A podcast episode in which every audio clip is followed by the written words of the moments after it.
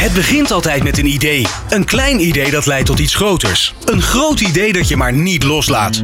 En dat gouden idee dat een sector op zijn grondvesten doet schudden. Dit is New Business Radio. Het radiostation dat verslag doet van bijzonder ondernemerschap. Ondernemende mensen, inspirerende gesprekken, innovaties en duurzaamheid. Dit is New Business Radio. Hoe zorgt jouw organisatie voor impact? Wat betekenen jullie voor de samenleving? Bedrijven hebben de kracht om vraagstukken op te lossen. Zo zorgen zij voor winst op alle vlakken. In Impact hoor je leiders en experts over duurzaamheid, MVO, circulaire economie en natuurlijk Impact met Glenn van der Burg.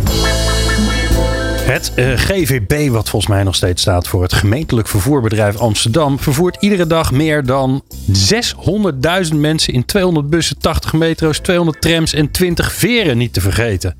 Daar werken zo'n 4000 GVB'ers aan. En met deze vervoersdiensten gebruikt het GVB evenveel energie als ongeveer 60.000 huishoudens. Daarnaast komt er natuurlijk ook nog, uh, ja, komen er wat stoffen uit die, uh, die trams niet, maar wel die bussen en die veren, die we niet zo heel fijn vinden. En creëren ze zo'n beetje 3 miljoen kilo afval. Maar ze werken ook aan schonere lucht, minder CO2-uitstoot, minder afval, duurzaam inkoopbeleid en duurzame energie. Hoe doet het GVB dat en wat komt er allemaal bij kijken? Dat bespreken we vandaag in Impact. En te gast is Talita Koek, manager corporate communicatie en MVO van het GVB. En halverwege schuift ook Gerard Helburg nog aan, programmamanager schoon en duurzaam van de vervoersregio Amsterdam. Fijn dat je luistert naar Impact. Impact met Glenn van der Burg op Nieuw Business Radio. Talita, wat leuk dat je er bent. Ja, goedemiddag. Ja, goedemiddag. Um, we beginnen altijd bij uh, de mens achter de duurzaamheidsmanager. Dus dat doen we bij jou ook. Um, hoe ben je zo in dit vak gezeild uh, geraakt? Ja, goede vraag. Het, het, is inderdaad ook wel echt gezeld uh, verraakt, om eerlijk okay. te zijn. Ik ben niet uh, per se opgeleid als uh, duurzaamheidsmanager. Ik ben politicoloog van mijn achtergrond. Um, en ooit begonnen als lobbyist. En toen langzaam de duurzaamheidswereld ingerold. dus begon als commercieel lobbyist. Toen ben ik bij een grote milieuorganisatie gaan werken. Natuur en Milieu in Utrecht. Daar heel veel verschillende rollen gehad. En eigenlijk ook ja, de kneepjes van het duurzame vak geleerd. En meer de inhoud. Um, en een jaar of vijf geleden, vier en een half geleden, dacht ik: Goh, ik wil eigenlijk iets meer met mijn voeten in de klei. Uh, hè, echt even van hoe doe je dit nou echt in een bedrijf? Je kan natuurlijk vanuit een uh, non-profit organisatie best makkelijk zeggen wat er beter moet, maar ja. ga het zelf maar eens doen. Uh, ja, dus uh, toen heb ik de stap gezet naar, uh, naar GVB. En waarom dan bij het. Want je, er zijn heel veel organisaties, heel veel organisaties die wel wat kennis over verduurzaming kunnen gebruiken. Waarom dan bij het GVB? Ja, het voor mij meerdere redenen. Ik, um, uh, bij Natuur Milieu had ik heel veel energieprojecten gedaan, duurzame energieprojecten en ook mobiliteit. En ik vond dat snijvlak uh, heel interessant. Hè? Dus hoe kunnen we nou die twee werelden uh, steeds beter verenigen en hoe kunnen die elkaar helpen om de energietransitie te versnellen en verduurzaming? Um, en de tweede reden was de toenmalige uh, directeur van het GVB, uh, Alexander van Huffelen. Ja. Uh, die kende ik toen uit mijn netwerk. en die had een heel duidelijke ambitie voor GVB. Ja, dat moest gewoon het duurzame OV-bedrijf, stadsvervoerder van Nederland worden. Um, en daar zocht ze iemand bij die dat goed handen en voeten kon en geven. En toen liet ze je alleen. En toen is hij me wel alleen twee jaar geleden. Ja, ja dat klopt. Toch? Ja, ja. ja, ja dat, dat is waar. Maar uh, dat hoort er ook bij. Ja. Dus uh, ja, het is niet dat ik haar. Ik heb haar. Uh, ik heb heel fijn met haar samengewerkt. Maar ik doe het ook al twee jaar met een andere directie. En dat gaat ook heel goed. Dus ja. ja. Nou, is duurzaamheid een enorm containerbegrip? Ja. Hoe kijk je daarnaar? Wat is het voor jou? Um, het is voor mij vooral een taal om met elkaar te gaan praten over wat voor wereld wil je nou in leven? Wat voor uh, omgeving wil je in leven? Hè? En uiteindelijk is het, uh, volgens mij wil, wil, namelijk iedereen ongeveer hetzelfde daarin. Hè? Die wil een, fijne leefbare plek waar uh, de kinderen kunnen groot worden. Een, een, aarde die je kan doorgeven. Dat klinkt een beetje zweverig. en dat is misschien ook het containerbegrip wat jij bedoelt. maar dan heb je wel in ieder geval een soort taal waardoor je hetzelfde wil. Hè? dat helpt denk ik om verder te komen. Want uiteindelijk als je naar de hoe gaat van duurzaamheid, wordt het altijd heel ingewikkeld. Hè? Uh, dan komen er altijd dilemma's, uh, dingen die toch niet hetzelfde blijken te zijn of waar mensen andere wensen in hebben.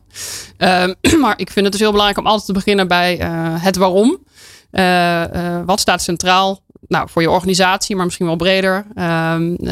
Hè, wat voor wereld wil je achterlaten? En die wil je misschien ietsje schoner, ietsje beter, hè, met iets minder rommel. Uh, en dat is volgens mij een soort waarde waar heel veel mensen wel aan kunnen relateren. Als je het ja. zo concreet maakt. Ja, en dan, en dan staat dus die lange termijn. Dus het effect op lange termijn staat dan eigenlijk centraal. Dat je kijkt van oké, wat ik vandaag doe. Ja. Wat, wat zijn de gevolgen daar eigenlijk van? En volgens mij daarbij ook heel belangrijk dat je niet alleen maar denkt van uh, na bij de zondvloed, om het zo maar te zeggen. Want dat is natuurlijk wel bij duurzaamheid. Het is heel fijn om een doelstelling in 2050 te stellen. Want nou ja, dan ben ik er misschien nog wel, maar niet, niet, uh, niet meer in het werkzame leven. Uh, maar wat betekent het nu, vandaag, om nu te gaan doen? Ik werk nu een jaar of 15 in de duurzaamheidswereld. nou, of dat lang of kort is, is zijn twee dingen. En ja, enerzijds voeren we best wel veel dezelfde discussies in die 15 jaar dat ik er werk. Um, en anderzijds. Zoals? Wat zie je veel vaak terugkomen dat je denkt: oh god, daar gaan we weer?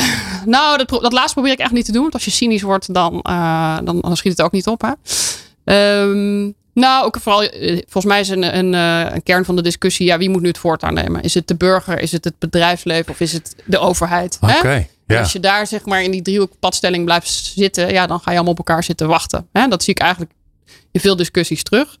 Um, van wie is nou de first mover uh, met een bepaalde transitie? Um, en, en wat ik bij Natuur jou interessant vond, is dat wij toen eigenlijk echt die discussie hebben. Nou, ik zal niet zeggen beslecht, dat is flauw, maar zeggen eigenlijk moet je allemaal wat doen. Hè? Dus, ja. uh, uh, en daarom, je vroeg hoe kwam ik bij het GVB? het mooie is, het is een publiek bedrijf met een heel publieke functie. in de kern duurzaam. Hè? Openbaar vervoer is een van de duurzaamste vormen van mobiliteit. Uh, maar dat kan tegelijkertijd ook heel veel verbeteren. En tegelijkertijd geef je burgers ook handelingsperspectief. Ja? Want neem de trein, neem de bus, tram, metro, veren. Ja. En daarmee alleen al uh, draag jij een stapje bij aan een duurzamere wereld. Ja. En dat is een mooie verbinding, vind ik.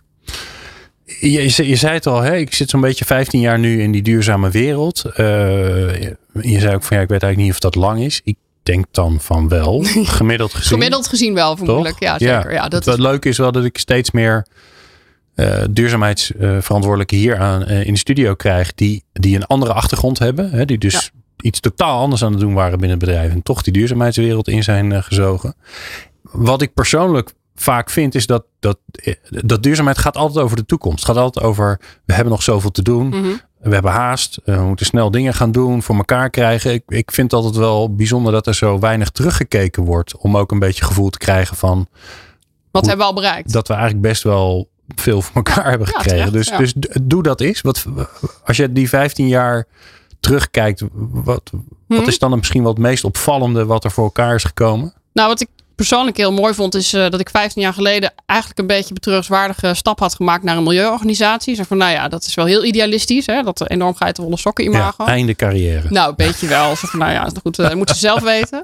Uh, en, uh, en dat was ook de tijd dat Mark Rutte nog niet eens de hè, premier dingen zei als windmolens draaien op subsidie. Hè? Dat was nog Ja. het VVD-verkiezingsprogramma. Ja.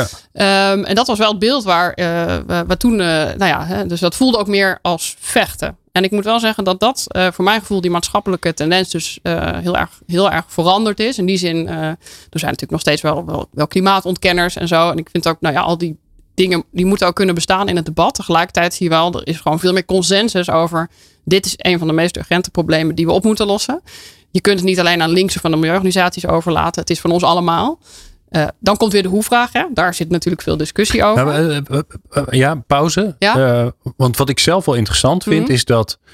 Um, want je bent ook politicoloog, dus kan ik je, daar kan, die kant kunnen ook nog even op. Dat in een tijd waarbij eigenlijk gezegd. of waar brede acceptatie is dat klimaatverandering er is. Ja. Dat we daar last van gaan krijgen en al hebben. En, en dat we daar dingen aan moeten doen. Dat is toch, nou ja, de consensus van de overgrote meerderheid. En dat er uh, partijen zijn die daar jarenlang ongelooflijk veel energie in hebben gestopt. En dat die niet heel groot zijn geworden. Want blijkbaar ja. vindt iedereen het nu ineens belangrijk. Um, ja, dat, dat is weer een diepgravende analyse. Ik, dat, is dat, uh, laat ik het zo zeggen, het is hoger gekomen op de prioriteitenlijst van mensen. En dat is fijn. En ook van partijen die in het midden zitten en uh, die of meer ter rechterzijde zitten.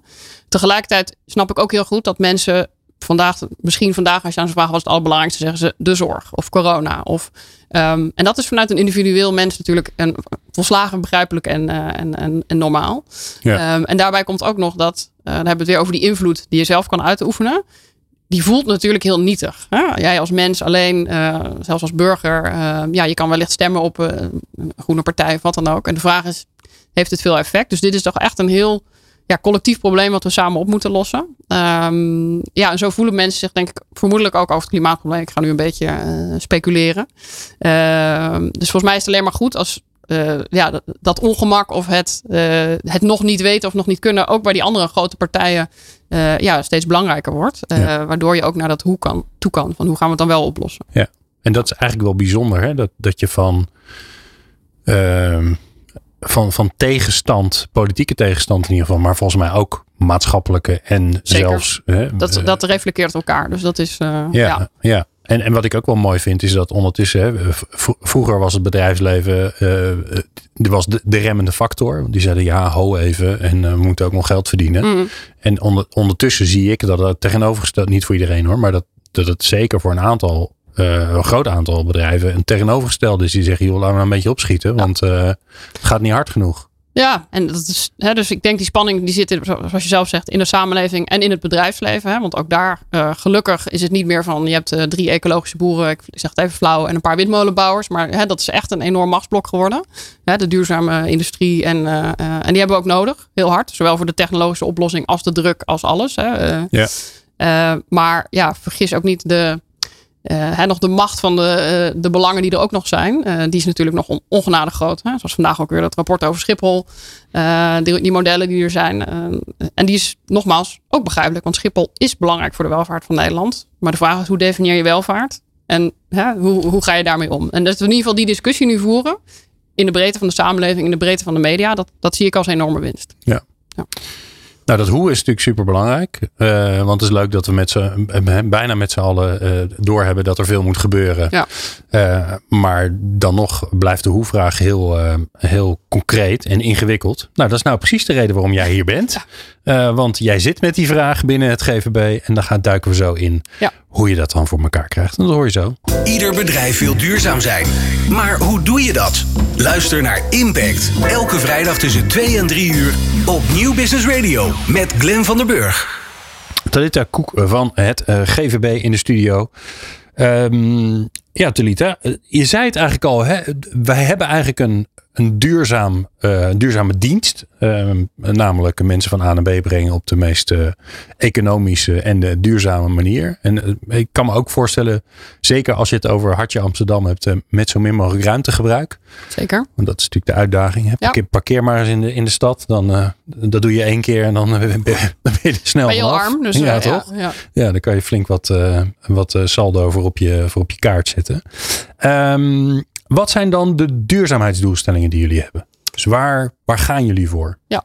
Nou kijk, volgens mij, uh, dus we, we, hebben het al over de kern van het bedrijf ge gehad. Dat is het duurzaam vervoer van mensen. Dus um, uh, een kern van onze strategie is uh, zoveel mogelijk mensen stimuleren om het OV te gebruiken. Hè? In plaats van de auto. Nou, Ja. ingewikkeld woord, de modal split veranderen in Amsterdam. Eh, waarbij we niet per se willen concurreren met lopen en fietsen. Hè? Want wij zien de, de, de stad Amsterdam en ook de regio eh, ja, als een, een, een loopbare stad, als een leefbare stad. En daar horen al die drie modaliteiten bij. Dus openbaar vervoer, wandelen eh, en fietsen. En die vullen elkaar ook nog eens heel mooi aan. Hè? Dus dat is eigenlijk een hele fijne combinatie. Ehm, en die auto staat daarin niet centraal. Hè? Dus dat is eigenlijk. eh, en, en zo kijkt de gemeente natuurlijk ook naar. eh, zeker de oude binnenstad, eh, binnen de ring. Je zei het al, parkeren is duur, on- onaantrekkelijk. Nou, dat, ik vermoed dat het nog iets. Ja, en ik zie eh, in, in, eh, in, in wijken in het centrum zelfs eh, parkeerplaatsen eh, verworden tot een soort stadstuintjes. Ja, dat zeker. vind ik helemaal Ja, Ja, dat is eh, echt ook beleid vanuit de gemeente. En ik denk ook echt gedragen door de bevolking. Hè? Dus eh, eh, mensen willen ook niet meer al dat blik in de straat. Ehm, eh, en vinden het ook wel, accepteren ook dat je niet meer allemaal een parkeerplek voor de deur hebt. Eh, goed, dat, zijn, dat is natuurlijk een bepaalde eh, ja, cultuur ook in een stad eh, die niet overal te kopiëren is. Dat snap ik ook heel goed. Ja. En zeker ook voor de wijken die wat verder van het centrum liggen, blijft het natuurlijk wel super belangrijk dat je daar op verschillende manieren kan komen. Hè? Dus dat je ook al die doelgroepen wel, dat vind ik een tweede functie van ons bedrijf. je moet ook de toegankelijkheid van mobiliteit waarborgen en niet te duur maken. En niet iedereen kan fietsen. Hè? Dus Ja. dat is wel eh, een tweede. Maar dat is eigenlijk de, de kern van, van Ja. wat jullie doen. Is Zeker. dat ook de kern van wat jij doet? Want je ziet natuurlijk soms verschil tussen eh, of een duurzaamheidsmanager met, met, eh, met het product en de dienst zelf bezig is. Of dat hij meer bezig is met hoe dat tot stand komt. Ja. Nou, allebei dus. Hè. Dus uh, gelukkig werk ik intensief samen met het strategieteam. Dus dat is wel goed om even gewoon te benoemen van hoe kijken we daarna. Dat wordt echt integraal vanuit de directie ook gesteund. daarnaast is natuurlijk het verduurzamen van het product. Hè. Daar heb je het over. Daar, heb ik, daar besteed ik wel de meeste tijd aan. Hè. Dus dat, dat is zeker waar.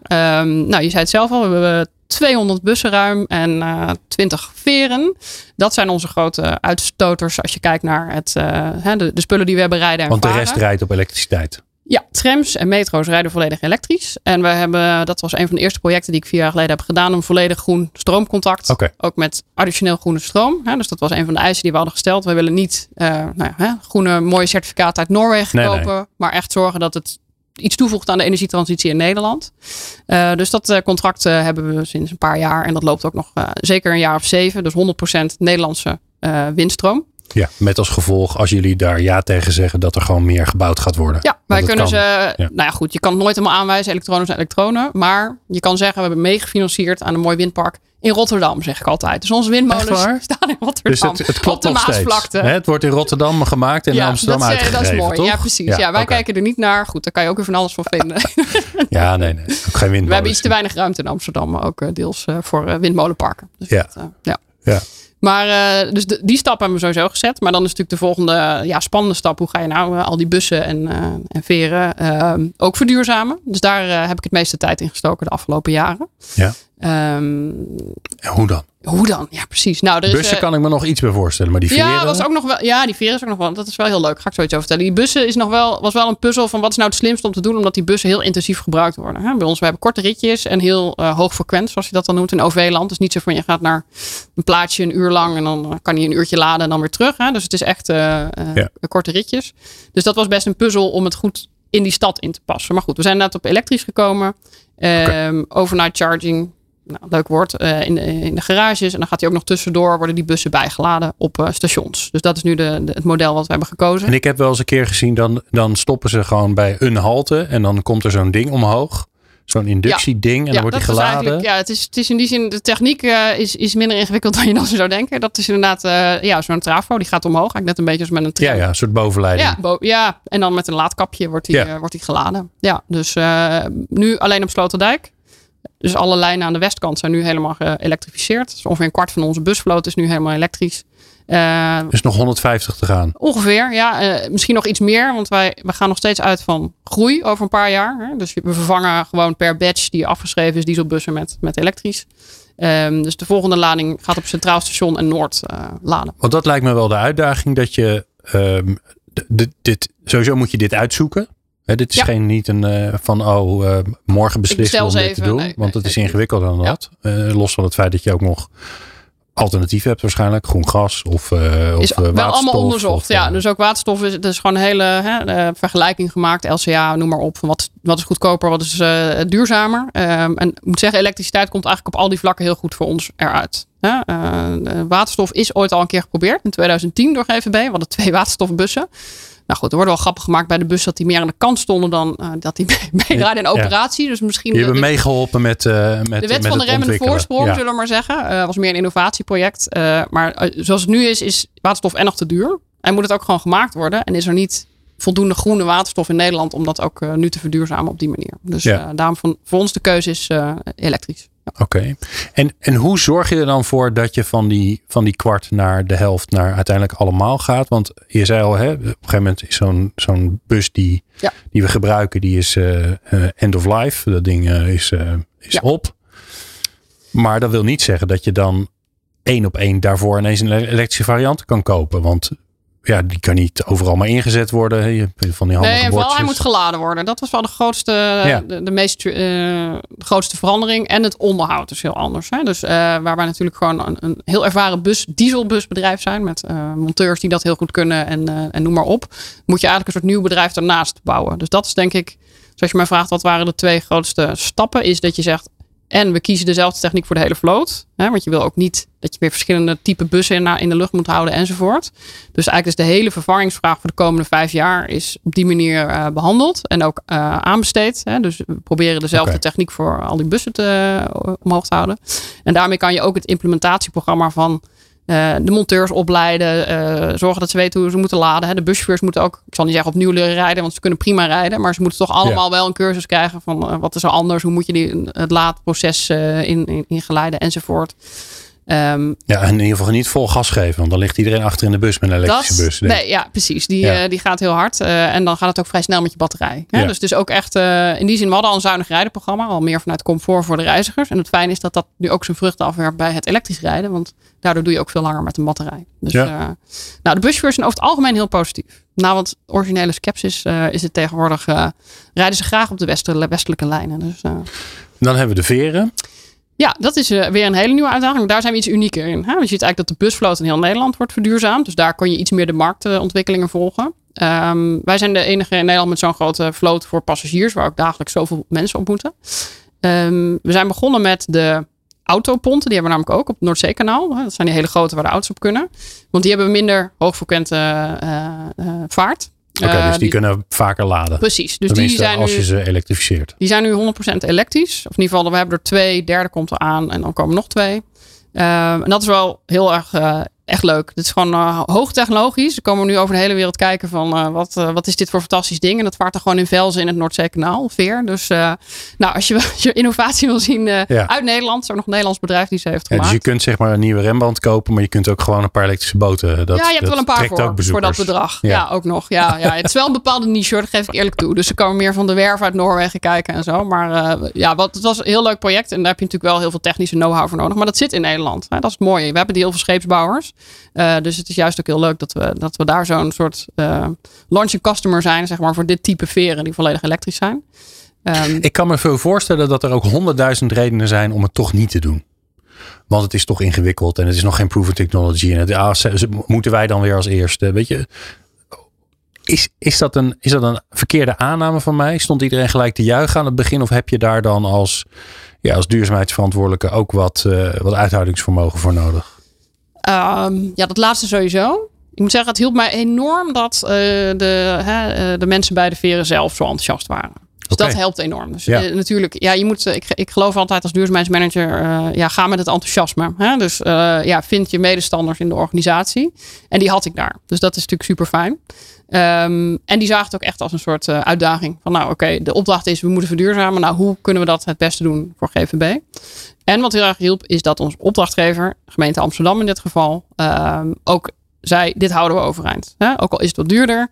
Ehm, en het interessante is dat nu op de lange termijn, omdat diesel ook zo duur wordt, blijkt het ook nog eens wel eens mee te vallen. Hè? Dus, eh, uiteindelijk je exploitatie gaat waarschijnlijk toch omlaag, omdat die eh, elektriciteit veel goedkoper is. En het onderhoud. Eh, maar goed, dat zal nog moeten blijken, want ze varen nog niet lang genoeg. Eh, dus het helpt als je backing hebt van je, natuurlijk van je financier. En die zegt, eh, nou, we gaan het echt doen. Ja. Ehm, en we hebben geluk gehad met onze leverancier. Want ook daar, we hebben een hele spannende vraag aan de markt gesteld. Ehm, en zij durfden dat ook aan. Hè? Dus ze hebben eigenlijk ook mede risico gelopen als, als opdrachtnemer, zeg maar. Ja. Om dat te doen voor ons. Dan heb je nog de, de pontjes waar ik dan wel eens eh, op heb gezeten. Eh, Ja, de, die, de- die kennen de, de meeste. en de het- wandelpontjes het over het ei. gaan. Ja, Daar, daar hebben we een soort twee, sta- twee trapsraket. Met name omdat de late infra heel moeilijk te realiseren is in het centrum van Amsterdam. Ja, dus langs het ei, eh, moet je je voorstellen, zijn enorme ja, trafohuisjes, laadbakken en dat soort dingen nodig. Komt er wel, alleen dat loopt dus mee in de planning van zeg maar, ruimtelijke ordening van de gemeente Amsterdam. Dus als ze een deel aanpakken, gaan ze ook dit stuk doen. Dus we hebben ze nu, alles wat we nieuw kopen is hybride. Hè, dat is ongeveer 50-50 elektrisch eh, eh, diesel. Zelfs nog iets viezer dan diesel. Hè? Het, zijn die bunker fuels. Ja, Ehm, dus die kunnen al best. ja. Ja, ja, precies. Ja. Dus we willen er ook wel echt graag vanaf hoor. Het is, eh, het is niet heel, heel fijn. Dus die kunnen al op zich. Maar het gekke is dus, stel je voor dat, je, dat het allemaal wel al er was. Dus Ja. dat, je, dat de aansluiting op het net en de, dan zou je nu al eh, elektrische kunnen kopen. Alleen Ja. omdat het er nog niet is, moet je er kiezen voor hybride. Maar eh, kunnen die hybride ook volledig op elektrisch varen? Of is het Dan hebben we nog een extra stap nodig. Want nu hebben ze dus nog, ook nog een, eh, een tank, zeg maar. en Dat soort dingen erin. En dan doen we Ja. nog een extra ombouwstap. Om te zorgen dat je echt alleen het battery pack hebt. En je moet nog iets doen met het, laad, het laden en dat soort dingen. Maar dat is een relatief kleine aanpassing, zeg maar. Als de laadinva er eenmaal ligt. En Ja. dan kunnen ze in principe gewoon. Eh, dan gaan ze dus echt drie minuten heen, een minuutje laden, drie minuten terug. Ja, die, die achter het station, hè, dat zijn er vier zelfs in de, in de spits die heen en weer gaan. Ehm, dus dat is heel spannend. Gaat de komende jaren gebeuren. Eh, volgend jaar start de aanbesteding. Dus over een jaar of twee verwacht ik, kunnen mensen elektrisch varen in Amsterdam. Nou, hoe leuk is dat? Hè? Leuk is dat? Ja. Precies. Nou, en nog zeker- een van de mooiste stukken van Nederland. Dus dat is Oh, helemaal... oh, ook dat. Ja, dan nog de rondvaartboten, maar die zijn niet van jullie. Die zijn niet van ons. Er zijn er ook overigens al best wel wat elektrisch. Hè? Ja. Dus dat, eh, ja. Ja. Ja.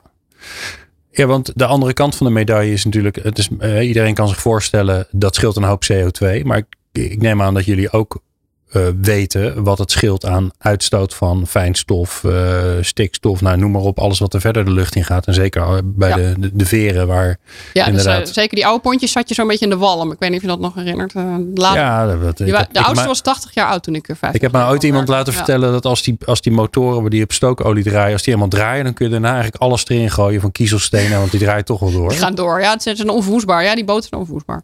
Eh, ja, natuurlijk. En eigenlijk is dat in Amsterdam nog wel een belangrijker driver, zeg maar, om, om dingen te doen. Hè? Dus schone lucht eh, is voor de gemeente een van de belangrijke. Dus naast de ruimte waar we het over hadden. Hè? Zorgen dat er ruimte is in de stad voor eh, eh, de langzame mobiliteitsgebruiker. eh, is dat schone lucht. Hè? En zorgen dat je dus niet fietst door alle wal- walmen van eh vieze bussen, veren, auto's, vrachtwagens en noem maar op. Ehm, dus je kiest echt voor een leefbare stad op alle manieren. Ehm, en natuurlijk klimaatverandering, CO2-uitstoot. Ook heel belangrijk. Hè? Dus dat, die keten moet helemaal kloppen. Well to wheel, eh, als je het mij vraagt. Dus met groene stroom. Ehm, eh, maar het is inderdaad de schone lucht. Die, is, eh, die klaart er behoorlijk van op. Absoluut.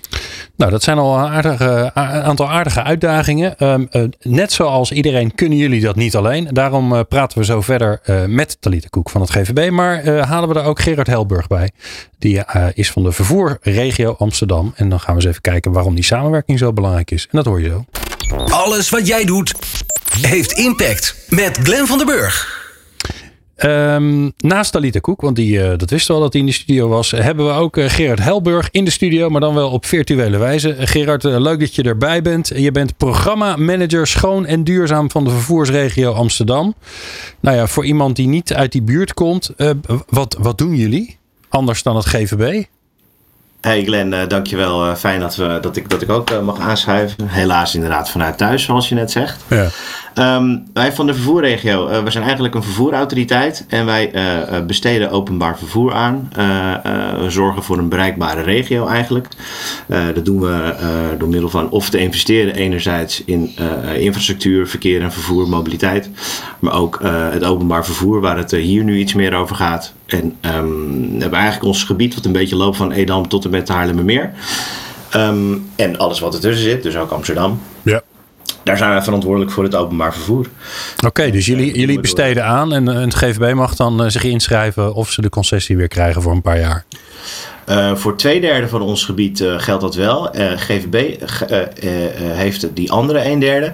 En daar doen we eigenlijk, omdat GVB wordt dan gezien als een in-house operator, hebben we een mooie constructie voor. Daar hebben we eigenlijk een, een directe gunning met GVB. Dus het is niet een openbare aanbesteding, maar meer een, een, nou ja, in-house gunning. Ja, dat zou wat vervelend zijn als er een nieuwe, uh, een nieuwe partij komt die zelf ook weer onder Amsterdam gaat graven om weer nieuwe lijnen aan te leggen. Dat lijkt me niet handig. Toch? Ofwel, dat, uh? Ja, goed. Het nee, wij zijn, wij zijn inbesteed. En uh, volgens mij is het overscheld voor alle stadsvervoerders. Hè? Dus Rotterdam, Den Haag en ook de NS. Hè? Dus de grote rail operators van Nederland zijn allemaal op deze manier... krijgen ze hun concessie zoals het heet. Ja, nou we zullen nog eens een keer een, een leuke aflevering maken over de marktwerking. Maar dat gaan we Zeker. vandaag, gaan ja, we vandaag niet doen. Ja. Hey, um, um, hoe, hoe, werken jullie dan samen met elkaar, Talita? waarom wilde je Gerard er graag bij halen in dat vaste samenwerkingsstukje van Impact? Uh, ja, hi Gerard, goedemiddag, leuk dat je er bent. Um, ik uh, werk al inmiddels ruim vier jaar met Gerard samen, uh, op een hele prettige wijze. En waarom is dat? Ja, omdat we, we begonnen natuurlijk de uitzending even over die, die waarom, hè, van heel erg die doelstelling centraal zetten. en daar voel ik altijd heel veel partnership zeg maar, tussen ons. Hè. Dus dat duurzame OV, dus zowel het bevorderen van OV als de duurzaamheid van het OV, om dat centraal te zetten eigenlijk in je gesprekken. Um, ook is de voorregio gewoon onze opdrachtgever. Hè? Dus wat, wat Gerard zelf al zegt. Um, en het is dus, maar het is niet een um, eenrichtingsverkeer. Hè? Dus dat is gewoon heel prettig in de samenwerking. Het is niet zo dat uh, vervoerregio zegt, nou bestel elektrische bussen of iets dergelijks. Uh, het gaat eigenlijk altijd erg in samenspraak, in een werkgroep. en ja, we werken gewoon al heel fijn samen. Maar misschien kan Gerard er meer over vertellen hoe hij dat heeft ervaren de afgelopen jaren. Ja, Gerard, vertel eens, want, want ik neem aan dat jullie ook zo je, je duurzaamheidsdoelen hebben. En hoe werkt dat dan in de, in de samenwerking met bijvoorbeeld het GVB? Nou, we zijn volgens mij in 2016 of zo uh, met, met, met de GVB een keer begonnen over hoe kunnen we nu zorgen dat we onze duurzaamheidsdoelstellingen gaan behalen. Er zijn allerlei haalbaarheidsstudies toen gedaan. Um, en ik zag dat het in 2017, 18 ging het echt iets meer met een, met een sneltreinvaart. En toen zijn we wat meer gaan kijken van hoe kunnen we nou zorgen dat de doelstellingen die we allebei hebben. En eigenlijk ook de gemeente Amsterdam daarbij. Hoe we daar die kunnen gaan bereiken. Ja. Um, ja, en, en, en hoe dat gaat, ja, is heel flauw om te zeggen, nou best wel goed. um, nou, fijn. Le leuk je gesproken. Ja, we zijn klaar. Ja, precies. ja, nee, maar in principe moet je gewoon altijd, een, uh, wat ons betreft, een open gesprek hebben. Want wij hebben dan uh, ambities en doelstellingen. Uh, maar hoe je dat allemaal gaat inrichten, dat kunnen we natuurlijk als, als overheidsorganisatie wel heel erg willen. maar je hebt ook een partner nodig die dat ook daadwerkelijk kan. En daar komt dan GVB voor de concessie Amsterdam meteen om de hoek kijken. Uh, met gelukkig een hele sterke drive ook om te verduurzamen. Dus uh, als je dan allebei heel erg het idee hebt van ja, dit moeten we echt doen. Uh, dan kom je vanzelf eigenlijk best wel ver. Want ik, ik heb het idee dat we best goed op dreef zijn. Um, ook bijvoorbeeld bij de veren. En wat Talita net, net aangaf. Um, dat is ook alles zeg maar meteen wat ik weet van de veren, want het gemeente Amsterdam gaat daarover. Maar dan geven aan, ze zijn er gewoon open over. Uh, ze, kunnen ons een heleboel uh, meenemen in wat nou relevant is en wat uh, handig is nu om te doen. En dan kunnen wij meteen spiegelen aan onze ambities en kunnen we zeggen, nou, dat is volgens mij goed om dat, dat uit te voeren. Um, en dan kunnen we ook gewoon best wel af en toe kritische gesprekken over hebben. Over wat nou de slimme zet is om op dit moment te doen. Of dat we toch voor iets anders moeten gaan kiezen. Nou ja, de, de, gezamenlijke uitdaging die jullie volgens mij allebei hebben, los van het uh, verduurzamen van het toch al redelijk duurzame openbaar vervoer, is natuurlijk om te zorgen dat er gewoon veel meer mensen gebruik van gaan maken. En dat het uh, misschien wel in het, gelijk in het, in het vervolg daarvan een steeds aantrekkelijker alternatief wordt voor, nou ja, het, toch, hè, ik vind dat eerlijk gezegd zelf ook nog steeds het meest gebruikvriendelijk waar je, waar je natuurlijk tegenaan uh, uh, concurreert, is je, loopt de deur uit, je stapt in je auto en je kan overal heen. Je hoeft niet meer na te denken, behalve dan dat er files zijn, die er overigens nu gelukkig niet zoveel meer zijn. Um, maar we gaan met z'n allen uh, de doelstellingen niet halen als we morgen allemaal in een elektrische auto gaan rijden. Want dat blijft natuurlijk nog steeds ongelooflijk veel energie kosten. Dus, dus hoe werken jullie daar dan in samen om ervoor te zorgen dat het openbaar vervoer een beter alternatief wordt en een aantrekkelijker alternatief wordt voor, voor ons als burgers. Als burgers, ja. ja. Zal, zal ik hem eerst antwoorden, Gerard? En dan uh, vul ja. vooral aan. Um, nou, volgens mij, uh, dit is een, uh, je zegt het terecht, hè? het is heel moeilijk om van het gemak van de auto te winnen. Hè? Volgens mij met bijna iedere modaliteit. Um, echter, Amsterdam is natuurlijk wel weer een casus apart. Daar begonnen de uitzending natuurlijk ook mee. Want met je auto naar de bijkorf is niet echt een enorm feest in Amsterdam. Sommige mensen blijven het heel uh, koppig doen. Maar, uh, en wat je zelf ook al zei, ook allemaal elektrisch. Betekent nog steeds dat we allemaal in ons eentje een enorm ruimtebeslag hebben. Ja, en dat je jezelf vervoert met iets wat 2000 kilo weegt. Ook dat nog. En dat kost gewoon heel veel energie. Ja. En die elektriciteit moet worden opgewekt enzovoort. Hè. Dus ik denk dat in ieder geval maatschappelijk gezien, zeker in Amsterdam, is de consensus wel. Dat is niet de meest optimale manier. Uh, maar we hebben iedereen nodig. Hè? Dus de vervoerregio gaat uh, gelukkig ook over fietsen en wandelen. Hè? Dus zij zijn ook uh, degene die daar. dus alleen al bijvoorbeeld dat je makkelijk je fiets kan parkeren op het station en kan overstappen op de metro. Hè, wij noemen dat de OV-fietser. dat je die gaat, goed gaat bedienen in de stad en hopelijk ook in de regio daarbuiten. Dat is volgens mij nog belangrijker. En je ziet bijvoorbeeld al dat de Noord-Zuidlijn daar hele andere dat daardoor hele andere keuzes worden gemaakt. Hè? Dat mensen nou, misschien nog met een auto, wel hopelijk elektrisch, naar een park and ride gaan aan de rand van de stad, overstappen op het metrostation uh, naar het centrum. Dus hoe meer van dat soort keuzes ja. het logische en makkelijke alternatief worden. Werkt heel goed. Liefst ook nog de goedkoopste, zeg maar. Ik heb het zelf ook gedaan. Ik vond het echt briljant. Ja. Je staat zo in het centrum en... Uh, ja, maar het is, het is wel hardnekkig, want mensen zijn gewoon te dieren. En helaas heeft corona er ook nog voor gezorgd dat uh, meer mensen het OV hebben verlaten dan uh, daarvoor. Uh, ja. Ook logisch vanwege veiligheid. Het was natuurlijk ook een hele tijd echt ontmoedigd. Inmiddels mag het weer, maar mondkapje vinden veel mensen niet prettig enzovoort. Um, ja, dus dat is best wel een, een pittig dal waar we uit moeten terugkrabbelen. maar ik denk met dit soort zowel fysieke oplossingen als dat je uh, in je app uh, zeg maar echt gaat concurreren met Google. Hè? Dat is ook wel een soort, uh, nou goed, misschien mag je niet Google zeggen, maar wel dat je echt kan boeken, betalen, alles in één app. daar werken we echt naartoe, dat is er bijna. dat je daarmee hopelijk de hele reis kan faciliteren. Dus, nou ja, en uiteindelijk natuurlijk ook dat, um, dat er gewoon meer beschikbaar is. Dat er gewoon OV bedoel je? De- ja, kijk, uiteindelijk het gemak is natuurlijk ook dat mensen willen niet wachten. Nee, jullie weten veel beter waarom mensen allerlei barrières in hun hoofd hebben om niet met het OV te gaan. Maar ehm, ja, daar zul je wat aan moeten doen. En daar zal, want het is leuk als, als jullie het voor elkaar krijgen dat er meer mensen gebruik gaan maken van het OV.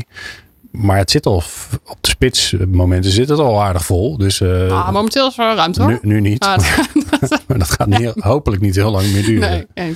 Ja, dus hoe, hoe, hoe, zie- hoe zie jij dat, eh, die, die, uitdaging die daar ligt, eh, Gerard, om te zorgen dat, ja, dat, dat het OV gewoon veel aantrekkelijker wordt dan dat het nu al is? Het is wel interessant om te zien dat we eh, enerzijds in het begin, toen we met elektrische bussen eh, begonnen, eh, wilden we voornamelijk ehm, niet te veel uitstralen dat er een elektrische bus voorbij zou komen. Eh, maar we willen de mensen eh, gewoon een, een betrouwbaar en, en, en, en, een, eh, tijdig product aanbieden. En dus de eerste elektrische bussen zijn niet met heel veel bombardie opgenomen. En die waren ook nagenoeg hetzelfde qua ontwerp en zo. Met het idee van, oké, ehm, eh, hetgene wat, u, wat, wat nu voorkomt rijden is misschien wel heel erg duurzaam. Maar let op, het is niet spannend, moeilijk. Want het was natuurlijk ook wel best wel wat lastig om te kijken of dat mensen geen koudwatervrees zouden gaan krijgen. Puur omdat het een elektrische bus is. Het is toch wat nieuws.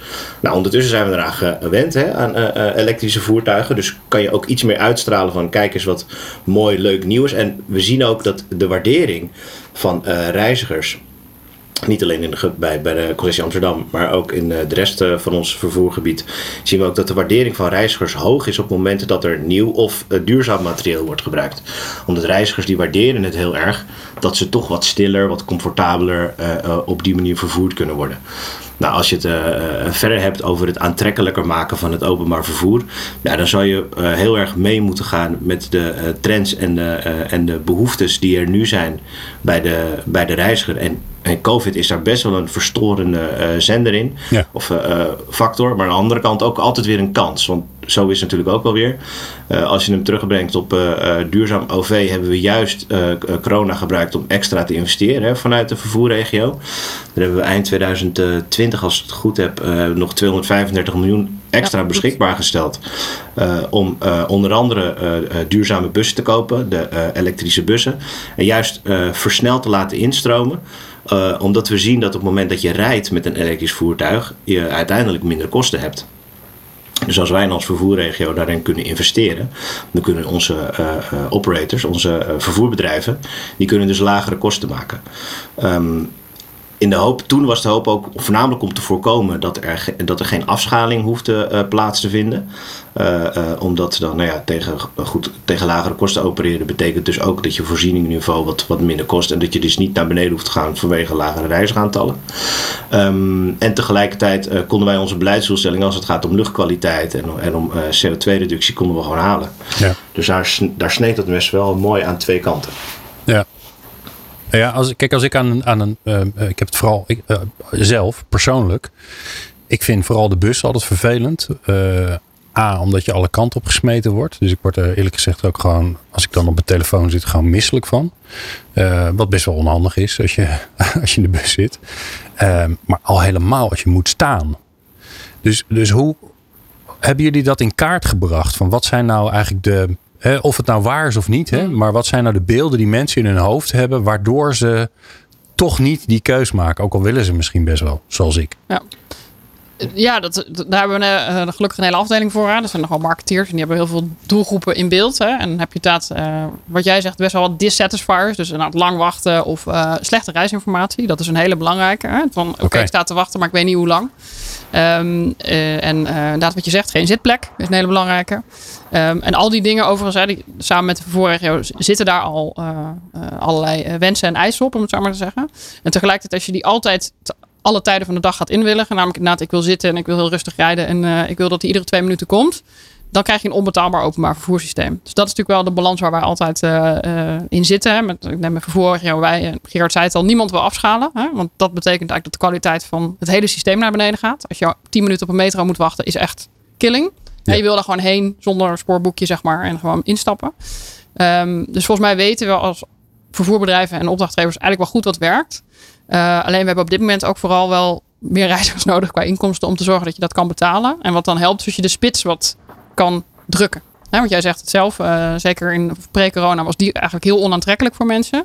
Dus als mensen bijvoorbeeld meer thuis gaan werken of iets later naar kantoor gaan, kan het al enorm helpen om uh, nou ja, het, te zorgen dat je het beter verspreidt over de dag. Waardoor het voor iedereen aantrekkelijker wordt. En, en uh, misschien een gewetensvraag aan jullie hoor. Maar is daar niet ook, want ik hoor je ook al zeggen, ja, we moeten wel reizigers hebben, anders hebben we geen inkomsten dat is natuurlijk het model waar we voor gekozen hebben met z'n allen. Is daar niet, hè, als, je, als je de echte verduurzamingsslag in, het, in de mobiliteit wil gaan doen en mensen echt uit die auto wil krijgen, want natuurlijk, hè, het heet niet voor niks de heilige koe. Mm. er zijn mensen die de, wie, van wie het een hobby is. Ik snap, dat snap ik eerlijk gezegd nooit zo goed, maar die heb je ook. Die poetsen hem dan ook elke zaterdag netjes. Ook niet echt heel duurzaam om dat elke week te doen. Maar als je dat voor elkaar wil krijgen, is er dan misschien niet echt een soort paradigma shift nodig door bijvoorbeeld te zeggen: oké, het is helemaal gratis. Um, uh, we rijden inderdaad elke twee minuten. Nou, weet je, dan, dan is het misschien maar niet uh, uh, economisch rendabel. Mm. Maar als we alle kosten meerekenen die, ehm, die autorijden met zich meenemen, dan is het eigenlijk wel rendabel. Ja. Nou, wordt, wordt daarnaar gekeken? Zijn er modellen voor? Wordt er over gedacht? Nou ja, goed. Dus zowel denk ik landelijk, want dan heb je het over de NS natuurlijk meer of alle andere aanbieders, rail. En ook wel bij ons wordt natuurlijk altijd naar ja, moeilijk wordt prijselasticiteit. Hè? Gratis is ook alweer ingewikkeld. Gratis is namelijk uh, waardeloos, hè, vaak voor veel mensen. En dan krijg je weer dat het voor andere doelgroepen is. Terwijl je wil wel uh, je wil zorgen dat het toegankelijk is voor mensen die het niet kunnen betalen. Om te zorgen dat je geen vervoersarmoede krijgt. En tegelijkertijd wil je een heel goed product hebben voor mensen die het prima kunnen betalen, hè, zoals de meeste. Maar die willen gewoon service en die willen kwaliteit. Hè, dus volgens mij is het niet zo erg als reizigers betalen. Volgens mij is het vooral heel belangrijk dat je zorgt dat je de optimale kwaliteit biedt voor mensen. Um, en ja, natuurlijk wordt er naar gekeken uh, om al die dissatisfiers op te lossen. En kan je nu zeggen, want eigenlijk gaat er al veel publiek geld nu momenteel bij. Hè? Heel veel, de, de, de landelijke overheid betaalt nu gewoon flink bij voor eigenlijk alle OV-bedrijven vanwege corona. Omdat er gewoon minder reizigers ja, zijn. En ja. omdat wel eens gezegd, we willen niet minder rijden. We willen niet dat jullie veel, structureel veel minder rijden. Dan is dit de enige oplossing om er gewoon heel veel, heel veel, nu heel veel geld in te stoppen. Ja. Op de lange termijn ja, is dat een politieke vraag. Als je mij als burger vraagt, denk ik, ja, er mag best wat meer publiek geld in het OV. Tegelijkertijd moet je dat ook goed en bedrijfs uh, wel, wel goed besteden dat je optimale kwaliteit krijgt. Ja, ja, aan de andere kant, Gerrit, kan ik me ook zo goed voorstellen dat het steeds zo'n kip-ei-probleem is. Uh, ja, als we meer reizigers hebben, dan kunnen we ook meer, ja, dan kunnen we ook hoger frequent gaan rijden. Dan kunnen we allerlei dingen doen. Uh, terwijl ja, de uitdaging waar we voor met z'n allen voor staan, die is natuurlijk nogal groot. Dus hoe zie jij dat? Nou, dat klopt. Um, je ziet, je hebt reizigers nodig om het systeem eh, eh, betaalbaar te hebben. Maar het idee van openbaar vervoer is dat je natuurlijk uh, uh, zo goed mogelijk de, grootste stromen mensen probeert te vervoeren. dus je ziet de laatste vijf tot tien jaar zie je wel steeds meer de trend dat de, druk, de druk gebruikte assen dat die ste steeds nou, meer busvervoer op komt als je het over bus hebt. Hè. Uh, zodat je een, een, een paar uh, nou ja, van die, van die uh, wij, wij noemen het hoogwaardig openbaar vervoerassen hebben. Um, waar je dan veel mensen snel kan vervoeren. Uh, die bussen zijn ook dan lekker comfortabel. Uh, als je kijkt naar wat er bijvoorbeeld uit Purmerend naar Amsterdam rijdt, dat zijn gewoon uh, bussen waar de stoelen naar achter kunnen. de reizigers geven ook in de jaarlijkse meting aan dat, dat, dat ze dat echt fantastisch vinden. Er worden negens gegeven voor het openbaar vervoer daar.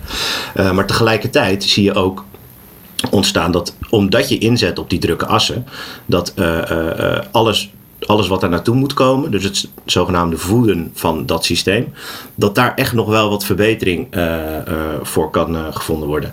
Nou ja, dat scharen we een beetje onder de, term inclusieve openbaar vervoer, zodat um, niet alleen mensen met een functiebeperking, maar ook gewoon dat we niet te maken gaan krijgen met vervoerarmoede, dat we gaan zorgen dat iedereen eigenlijk die wil op een goede manier zich kan verplaatsen met het OV-systeem, of dat er andere systemen zijn die daarvoor in de plaats zijn. Nou ja, daar heb je allerlei mooie ideeën voor. Uh, het zijn heel vaak te, te, te, te, vatten onder de term MAAS, hè, uh, Mobility as a Service. Um, maar ook uh, ideeën over om meer vanuit, um, vanuit de maatschappij en betrokkenheid vanuit de maatschappij vervoer in te steken. En dan, het is nog allemaal niet uh, uitontwikkeld. En ik denk dat we de komende vijf tot tien jaar ook daar een hele slag gaan maken over hoe we dat nu kunnen gaan inregelen.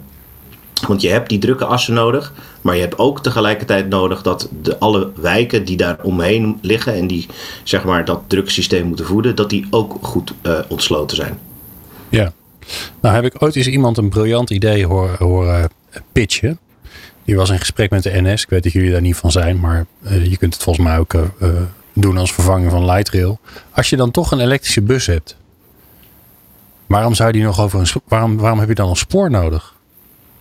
Nou, spoor kan aanzienlijk meer vervoeren. Hè? Dat is wel eh, dat is, dat is een beetje orde grootte. Een bus, man of 40, 50. Tram, een man of 100. En een metro een man of 1000. En een trein van de NS heeft dan nog weer aanzienlijk meer.